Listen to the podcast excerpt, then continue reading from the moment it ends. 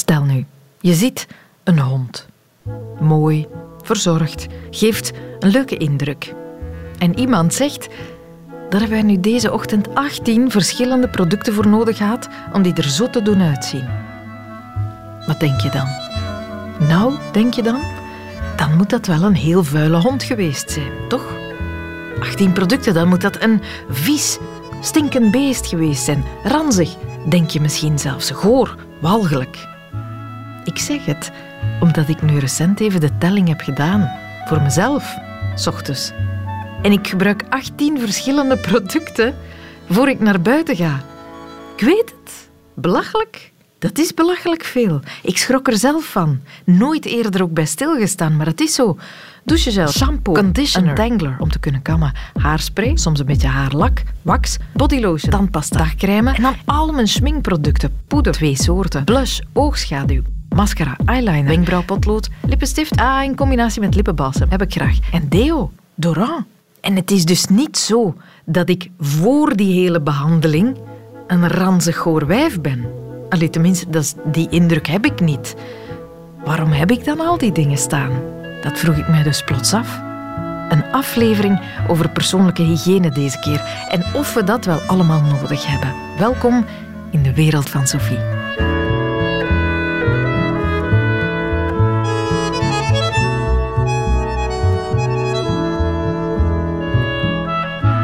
Het is eigenlijk allemaal de schuld van Thomas Siffer. Ik las hem in de Standaard een tijdje geleden. Ik weet niet of je hem nog kent. Uh, journalist, tv-presentator ooit nog geweest. Hoofdredacteur ook van uh, Menzo. En nu vooral uh, volbloed Italiaan in Puglia.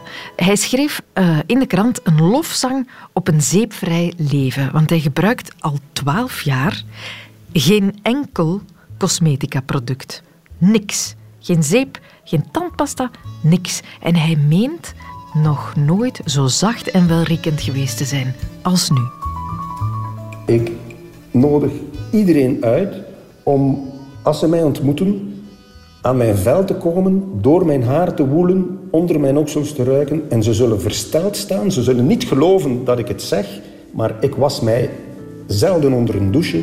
En ik was mij al twaalf jaar enkel en alleen met water. En dat heeft mijn hygiëne alleen maar deugd gedaan.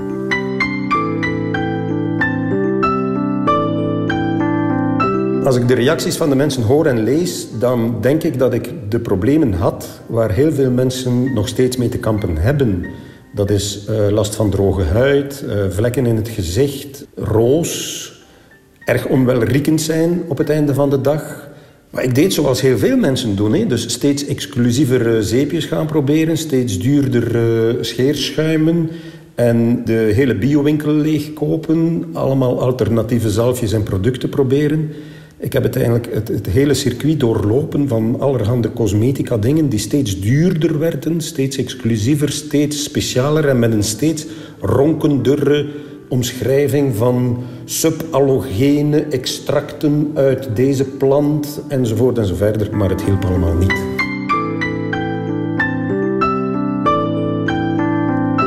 Ik was een keer op een um, modeshow van Flair en daar vroeg ik aan een visagist, vriend, van, van wat kan ik eigenlijk nog doen? Geef mij alsjeblieft de roos, anti-roos shampoo die het magische middel is. En hij zei, uh, stop gewoon met alles. En als je een droge huid hebt, smeer er uierzalf aan.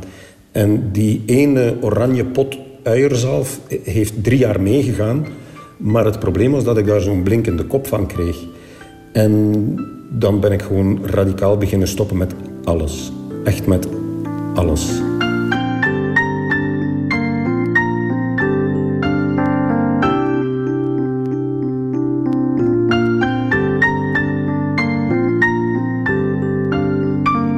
Mijn badkamerritueel is zeer eenvoudig. Ik hoop dat er eh, niemand meeluistert, want het wordt een beetje privé wat we nu gaan vertellen. Maar elke ochtend en elke avond was ik mij met een Vlaams washandje dat ik nat maak onder koud water.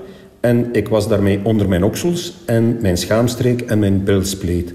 En één keer per dag uh, spoel ik ook mijn voeten grondig. En dat is eigenlijk het enige wat ik doe. Plus, uiteraard, poets ik ook mijn tanden heel uitgebreid en geduldig met een borsteltje. Zonder ehm, tandpasta. Dus ik heb alleen maar water aan mijn lijf. Om de twee dagen was ik ook mijn haar onder een koud waterstraal boven de lavabo.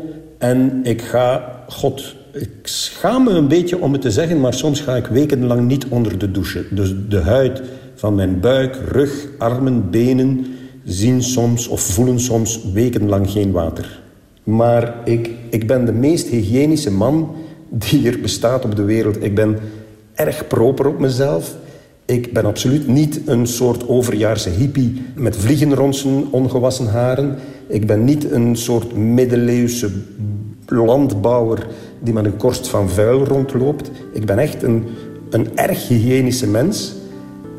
Maar ik gebruik gewoon geen cosmetica en ik douche mij zelden.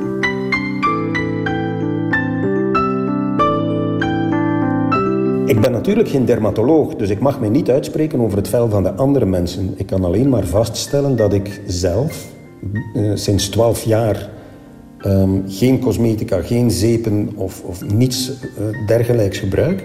En dat ik nog nooit zo'n aangenaam, zacht, proper, onriekend vel heb gehad als nu. Ik, ik ruik echt niet. Hè. Het klinkt heel eigenaardig.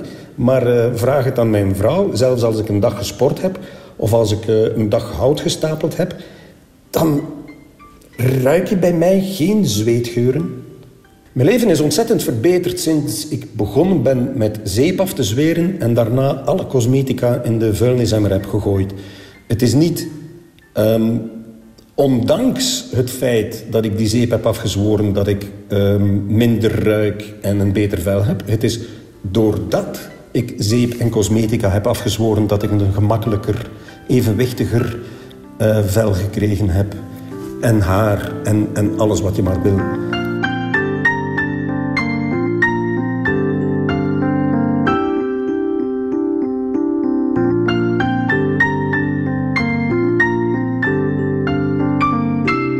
We zijn allemaal dieren en ik zie niemand zijn hamster in een bad steken. Ik zie nooit een paard geshampooed worden. Die hebben toch ook veel haar.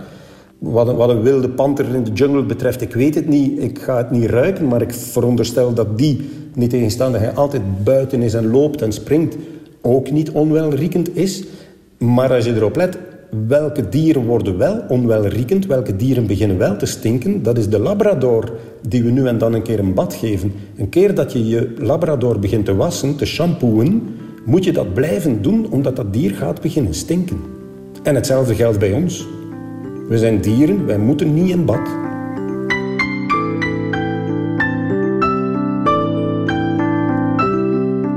Welke ronkende titels en slogans de hele cosmetische industrie ook verzint voor elk nieuw productje dat ze ons proberen aan te smeren.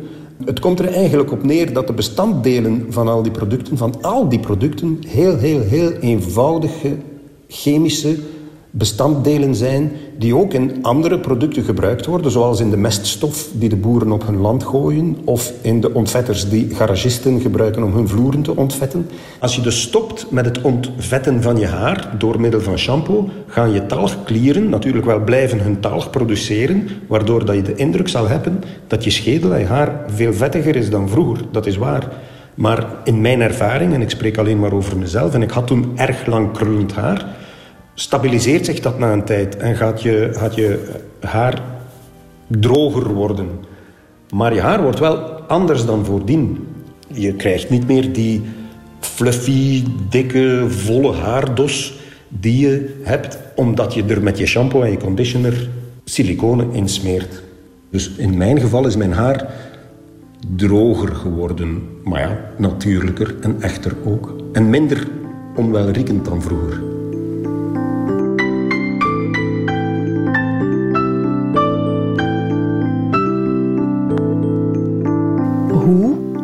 Fantastisch klinkt dat? Geen kosten, amper moeite en toch babyzacht en ook zo fris voor de dag komen. Wat een cadeau. Maar klopt, het kan iedereen, het kan iedereen zonder die hele rimram. Daarvoor heb ik een andere Thomas gecontacteerd. Thomas Macelis, dermatoloog. Is wassen strikt nodig? Nee. Zijn cosmetica strikt nodig? Nee. Zijn ze overbodig? Ook niet. Want uh, Thomas uh, Siffer zal een zeer goede huid hebben.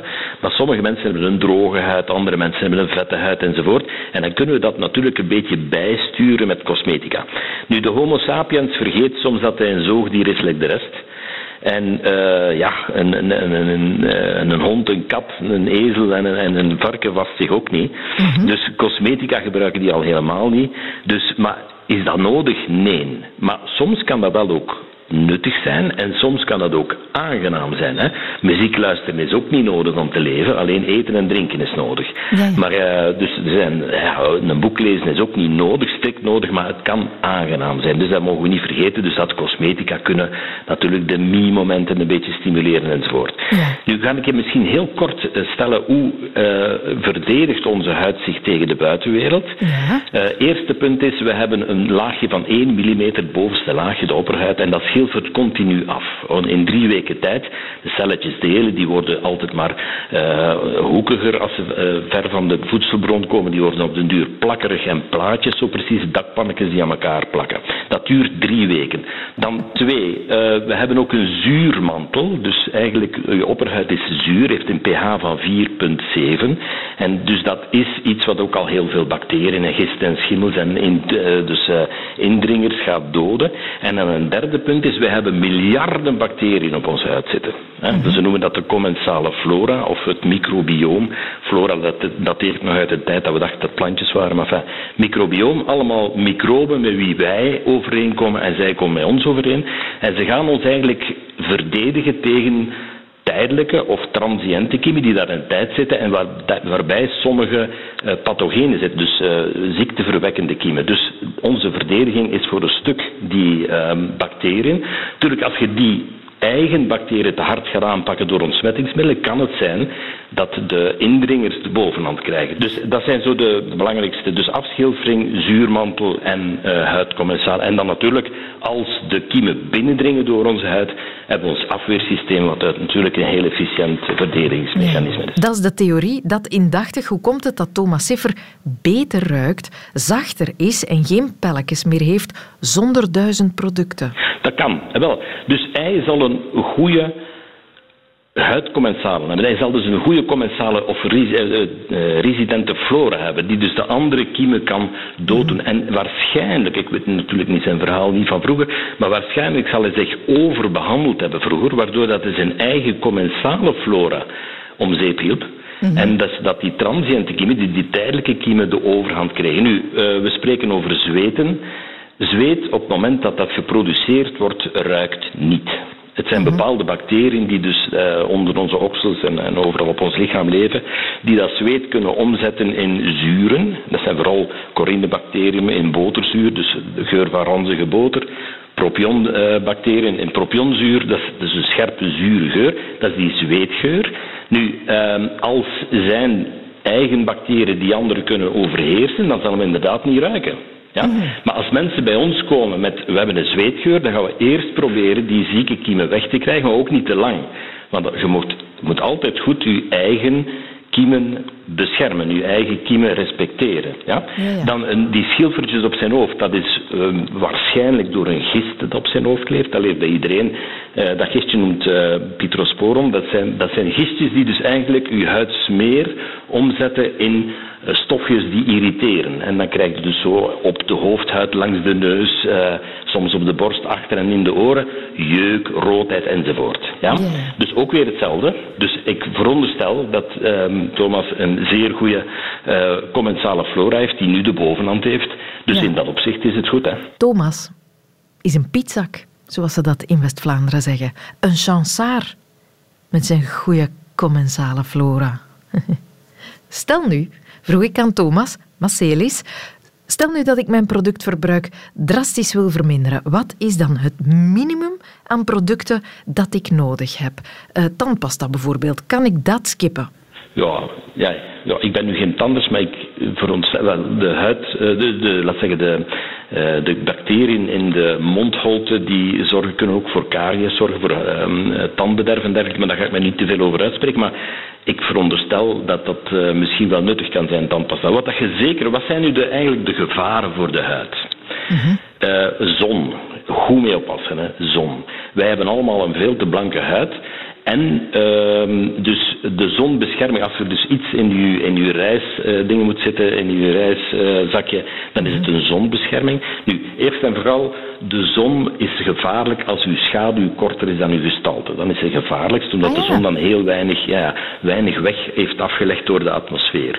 Ook per duizend meter dat je stijgt, is er 10% meer ultravioletlicht. En dat is eigenlijk heel gevaarlijk voor onze huid. Ultravioletlicht geeft huidkanker. En dat is wel iets, dat is een van mijn dadas, wat ik toch graag een keer de mhm. aandacht zou vestigen. Het, de meest, of de sterkst stijgende tumor bij de mensen hier in België is huidkanker. In uh, eh, 2000 hadden we 11.000 nieuwe huidkankers in dat jaar. Uh, in 2019 45.733. Dus dat is 400% gestegen. Oh, Wat is de oorzaak daarvoor? Eén, massatoerisme, want uh, op het einde van vorige eeuw iedereen ging maar naar het zuiden en de kindjes werden in het zwembad gezet zonder zonnecrème. Twee, zonnebankgebruik, wat dat toen ook in de mode was. Uh, drie, de mensen worden ook ouder. Hè. Dus uh, vroeger, laat zeggen, de levensexpectantie uh, in het jaar 0 was ongeveer 30 jaar. In het jaar 1900 was dat 50 jaar. 1950 was dat ongeveer 65 jaar. Nu is dat 80 jaar. Hè. Dus we worden ook ouder. Dat wil zeggen die we dat we die carrosserie, die huid, iets langer moeten gaan onderhouden natuurlijk. Hè. Dus we kunnen cosmetica zijn om die allemaal het kind met het badwater weg te gooien. Dat zou ik niet doen. Cosmetica kunnen zeer nuttig zijn. Ja. Uh, voor die verouderende huid, voor die te beschermen tegen de zon, om die uh, te hydrateren als nodig is, want geleidelijk aan wordt de huid ook droger en droger. Dus ik zou dat niet volledig wegdoen. Uh, maar natuurlijk het omgekeerde, waarbij dat de, de industrie die die producten maakt zegt, en je moet in de diepte reinigen en je moet pielen en scrubben enzovoort, en dan ons heilzaam product, dat is nonsens. Want er is eigenlijk denk ik nog nooit een firma erin geslaagd om even goede dag- en nachtknijmen te maken als huidsmeer. Leven huidsmeer, jongens. Huidsmeer is het allerbeste. het klinkt niet zo, hè? maar het is wel zo. Ik ga op reis en ik neem mee tandpasta, zonnecrème en als het nodig is, hydraterende crème. En al de rest. Is bullshit? Je kunt met cosmetica je huid er iets langer, langer jong doen uitzien. Ja? Mhm.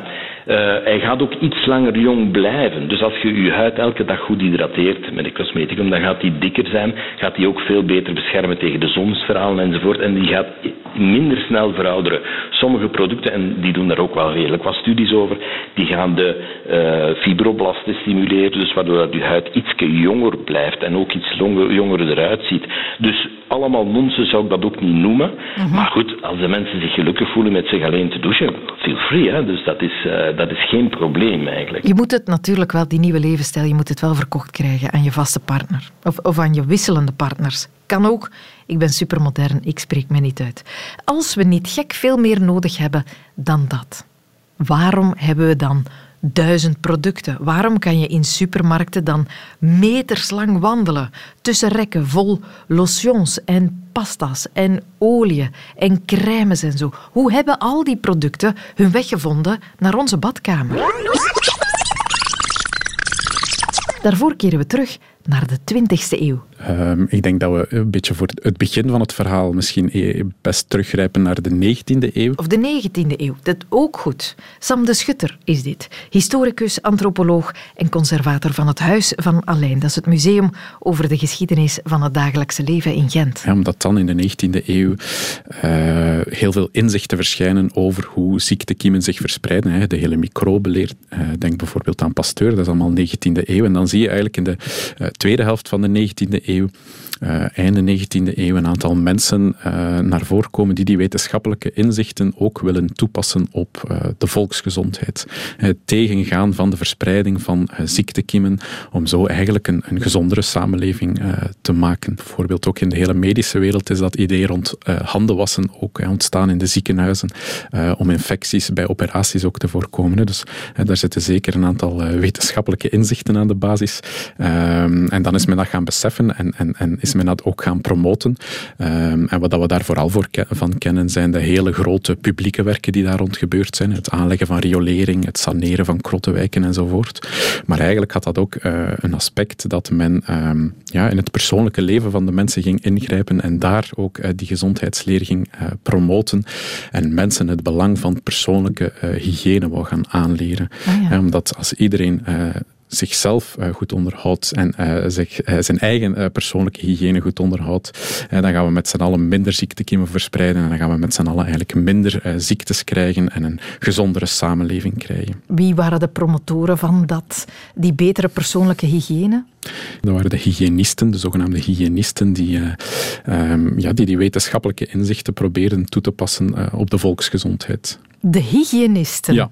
Nooit van gehoord. Ja, en daar had je dan ook opleidingen voor om, uh, om hygiënist te worden. Ja. Amai, wauw. En zij moesten dus de blijde boodschap van een proper lijf verspreiden. Ja, en dat deden zij ook op, allerlei manieren. Zij, zij schreven pamfletten, uh, brochures. Uh, er waren ook uh, wandplaten of, of volksprenten, hè, waar dat de boodschap niet alleen in geschreven, maar ook in getekende vorm op stond, zodat iedereen ze kon begrijpen. Ehm, dus op verschillende manieren werd ervoor gezorgd, of probeerde men toch om die boodschap bij de brede bevolking terecht te laten komen. En eigenlijk zo een beetje een nieuwe gezondheidsethiek op te leggen aan de bevolking. Oké, en die inspanning heeft zijn vruchten afgeworpen, want die boodschap raakte wel verspreid. Ja, die boodschap raakte zeker wel eh, verspreid. Hè. Bijvoorbeeld uh, wat je eigenlijk doorheen de hele 20e eeuw hebt um, en wat best wel populair is in, verschillende huishoudens zijn de zogenaamde huishoudboeken, zou je het kunnen noemen. Hè. Dus boeken die tips geven voor het huishouden, soms heel specifiek over hè, wat moet je doen bij bepaalde medische problemen, soms heel algemeen over hoe run je het best je huishouden. En wat je ziet is dat ook in die boeken ehm, die uh, adviezen uh, heel sterk terechtkomen. Hè. Dat men in al die boeken uh, een hoofdstukje waarschijnlijk gaat wijden aan hygiëne en hoe zorg je voor een goede persoonlijke hygiëne, wat moet je daar allemaal voor doen. En dan staat daar stevast in dat je je moet wassen, dat je je handen moet wassen met zeep, ehm, van die basisadviezen eigenlijk. Ah ja, oké, dat kwam in het huishoudboekje terecht. Dus dat was een taak voor moeder de vrouw. Ja, dat klopt natuurlijk. Hè. Daar zit op die manier wel een heel sterke genderdimensie Het is natuurlijk ook zo hè, dat ja, eigenlijk doorheen de 20e eeuw en zeker in het begin van de 20e eeuw, eh, dat de, de, private sfeer, de, de huissfeer en het huishouden, dat was het domein van de vrouw en de publieke sfeer het domein van de man.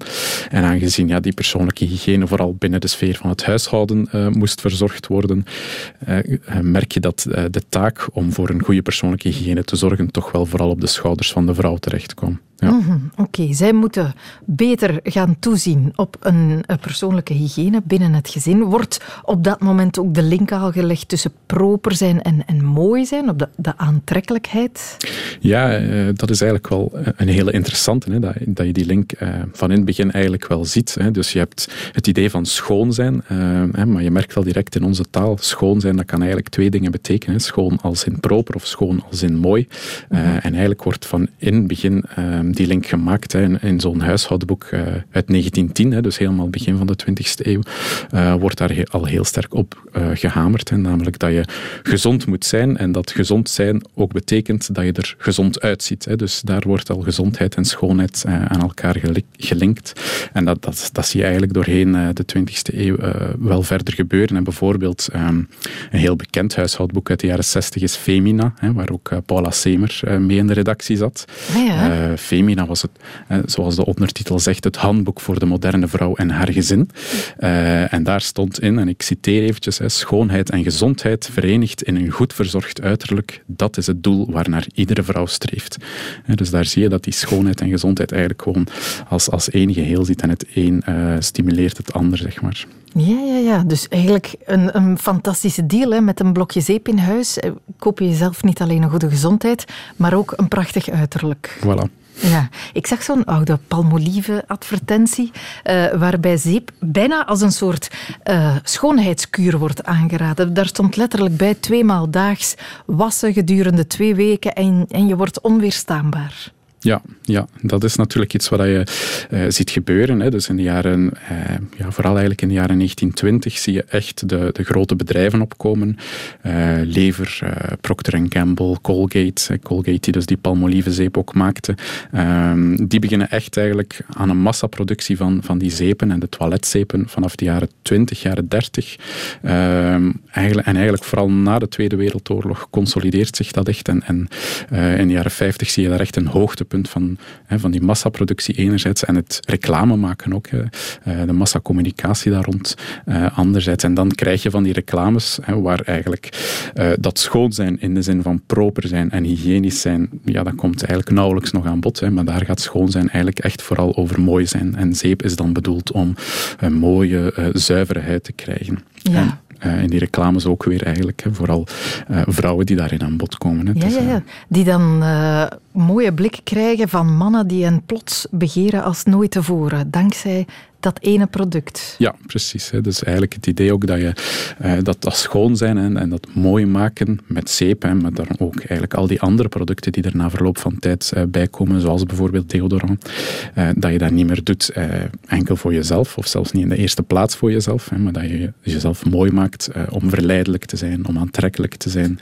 Ehm, en daar hoort bij een mooie huid. Een mooie huid is dan vooral een jonge, gladde, rimpelloze huid, maar ook frisheid, hè, fris geuren, uh, er fris uitzien. Uh, dus dat zijn allemaal aspecten uh, waar, waar in die reclame uh, heel sterk op ingespeeld ja, ja, op de geurtjes, daar gaat het ook al meteen over. Ja, ja, ja zeker. Ja. We ja. moeten fris ruiken en, en, vandaar ook die, de, die deodorants. de vrouw die fris ruikt, trekt alle mannen aan en kan de nabijheid van die mannen ook goed doorstaan zonder een onwelriekende geur af te geven. Dus wat eigenlijk ontstaat als een soort, we moeten met z'n allen op onze gezondheid toezien door hygiënischer te worden, slaat wat door naar we moeten allemaal knap zijn en daarvoor hebben we dit en dit en dit product nodig. Ja, zo zou je het eigenlijk in het algemeen wel kunnen zien. Die, die, die verschillende aspecten van hè, waarom we ons wassen en waarom we eh, persoonlijke hygiëne, waarom we daaraan doen, hè, die, die zijn eigenlijk wel altijd al aanwezig. Hè. Dat, dat schoon zijn uh, en dat mooi zijn en dat proper zijn zit altijd wel al met elkaar verweven. Maar hè, van het moment dat die massaproductie echt op gang komt, zie je dat dat echt wel uh, begint door te slaan naar het, het mooi zijn en minder, minder aandacht gaat naar de wetenschappelijke basis en, en het idee van ziektekiemenvrij zijn. En zo staan ze daar. Een skyline van flesjes, potjes en flacons, zorgvuldig in stelling gebracht om ons te wapenen tegen elk mogelijk teken van veroudering, onfrisheid of onwelriekendheid. Want stel je voor dat mensen zouden denken dat je een vieserikje bent. Dat is toch een ondraaglijke gedachte. Voor de meesten onder ons, moet ik erbij zeggen. De meesten, want je hebt ze wel nog, hè? af en toe. De onbeschaamde stinkers, de ongegeneerde goorballen toch? Bart Bogaert, welkom. Die bestaan zeker, die hebben altijd bestaan. En ik wil het over één vies vuil ventje specifiek hebben, omdat hij wel heel vies en vuil was. En omdat eigenlijk weinig mensen dat weten. Het gaat over Mao Zedong. Dat was een vies vuil ventje. Dat was een heel vies vuil ventje. Niet dat ik hem persoonlijk heb gekend, dat was een voorrecht. Hoewel voorrecht, dat zal nog moeten blijken. Uh, dat was een voorrecht uh, dat maar heel weinigen gegeven was. Maar een van de mensen die hem heel goed hebben gekend en die uh, zijn avonturen met Mao Zedong ook heel uitvoerig te boek heeft gesteld, was zijn persoonlijke lijfarts Li Ji Sui. Die is van 1954, 1954 tot aan Mao's dood in 1976 zijn lijfarts geweest. Dat was een gevaarlijke job, omdat je natuurlijk, er werd heel hard naar jou gekeken. Als de grote leider ziek werd, dan was, dat meteen jouw verantwoordelijkheid. En die Li Ji Sui, die wou meteen het zekere voor het onzekere nemen en hij wou zijn patiënt Mao Zedong zo goed mogelijk leren kennen. Hij keek dus in het dossier, in de dossiers die aangelegd werden door zijn voorgangers. En hij zag meteen, er viel één alarmerend iets op in dat dossier. Mao had een zeer hoog aantal witte bloedlichaampjes oh. in het bloed. En dat kon dus wijzen op een chronische infectie. En dus wou Li Jiswei zo snel mogelijk weten waar kan die infectie vandaan komen.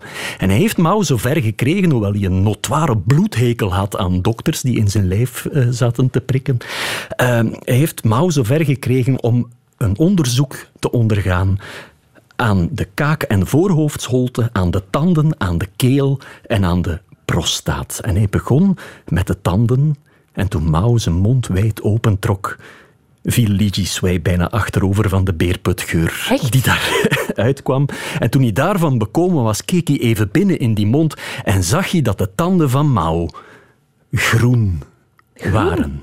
Daar lag een dikke laag groene tandplak op. Oh my god, ik hoop dat nog niemand begonnen is met eten. op dit Het wordt nog erger, eh, dus het spijt me zeer. Maar dus groene tandplak. Mao poetste namelijk nooit zijn tanden. Op dat moment was hij rond de 60. Hij had op dat moment nog nooit van heel zijn leven zijn tanden gepoetst. Hij spoelde zijn mond met thee bij het ontwaken en hij at daarna de groene theeblaadjes op, wat zorgde voor die groene film, die groene tandplaklaag op zijn tanden. De vorige dokter had Mao ooit eens voorzichtig aangespoord van voorzitter, zou je niet beter toch eens beginnen je tanden wat beter te onderhouden?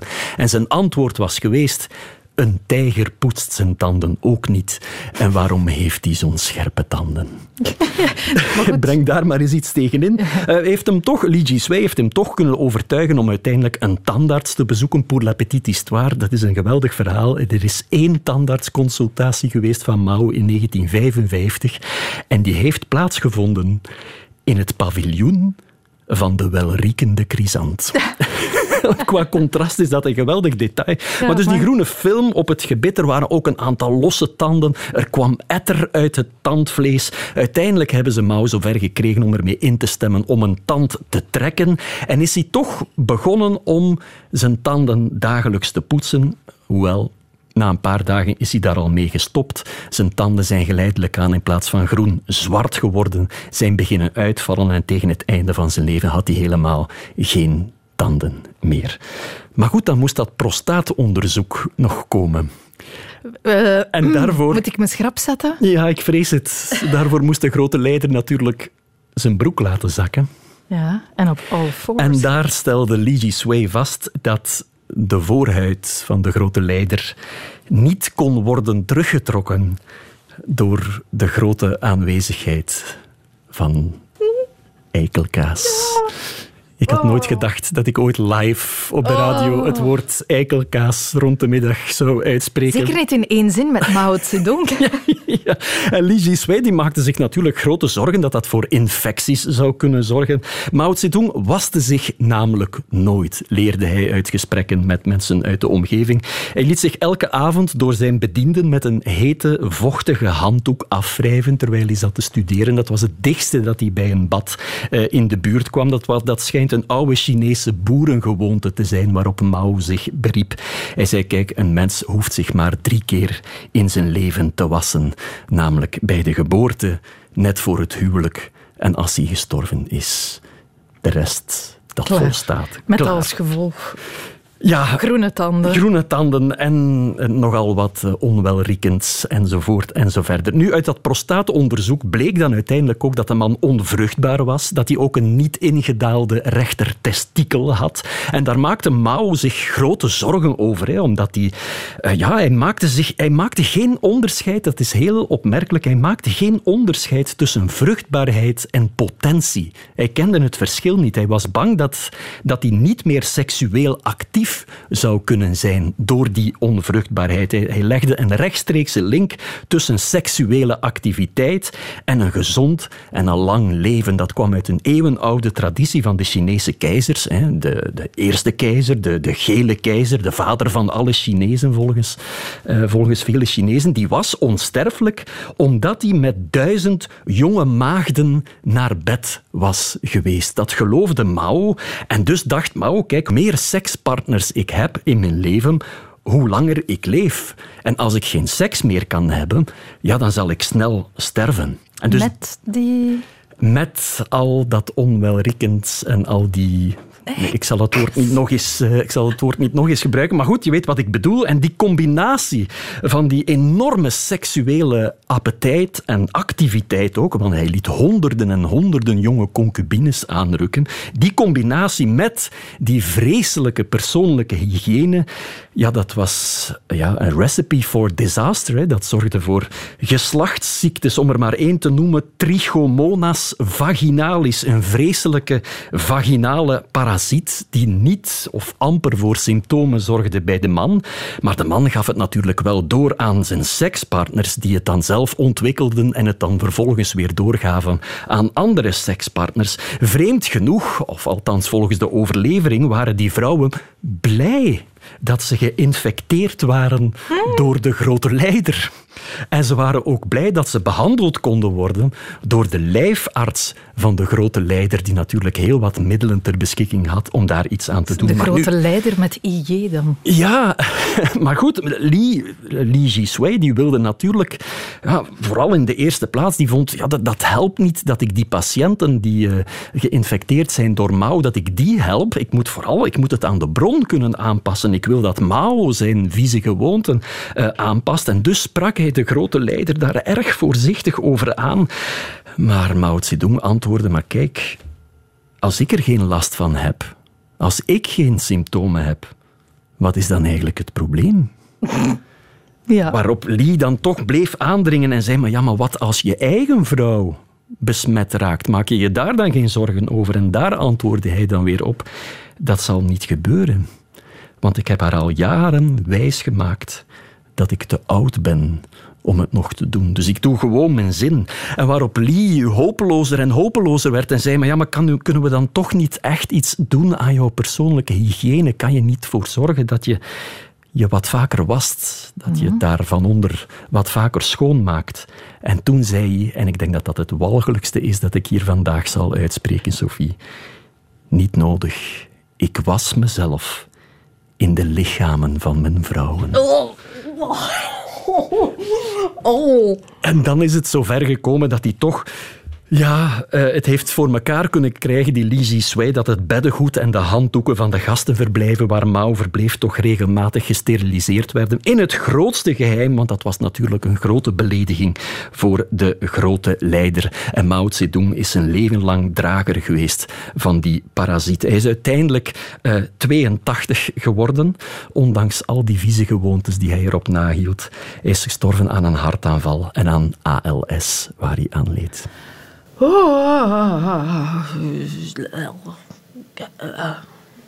Hier, um, dit slaat alles. Bah. Bah.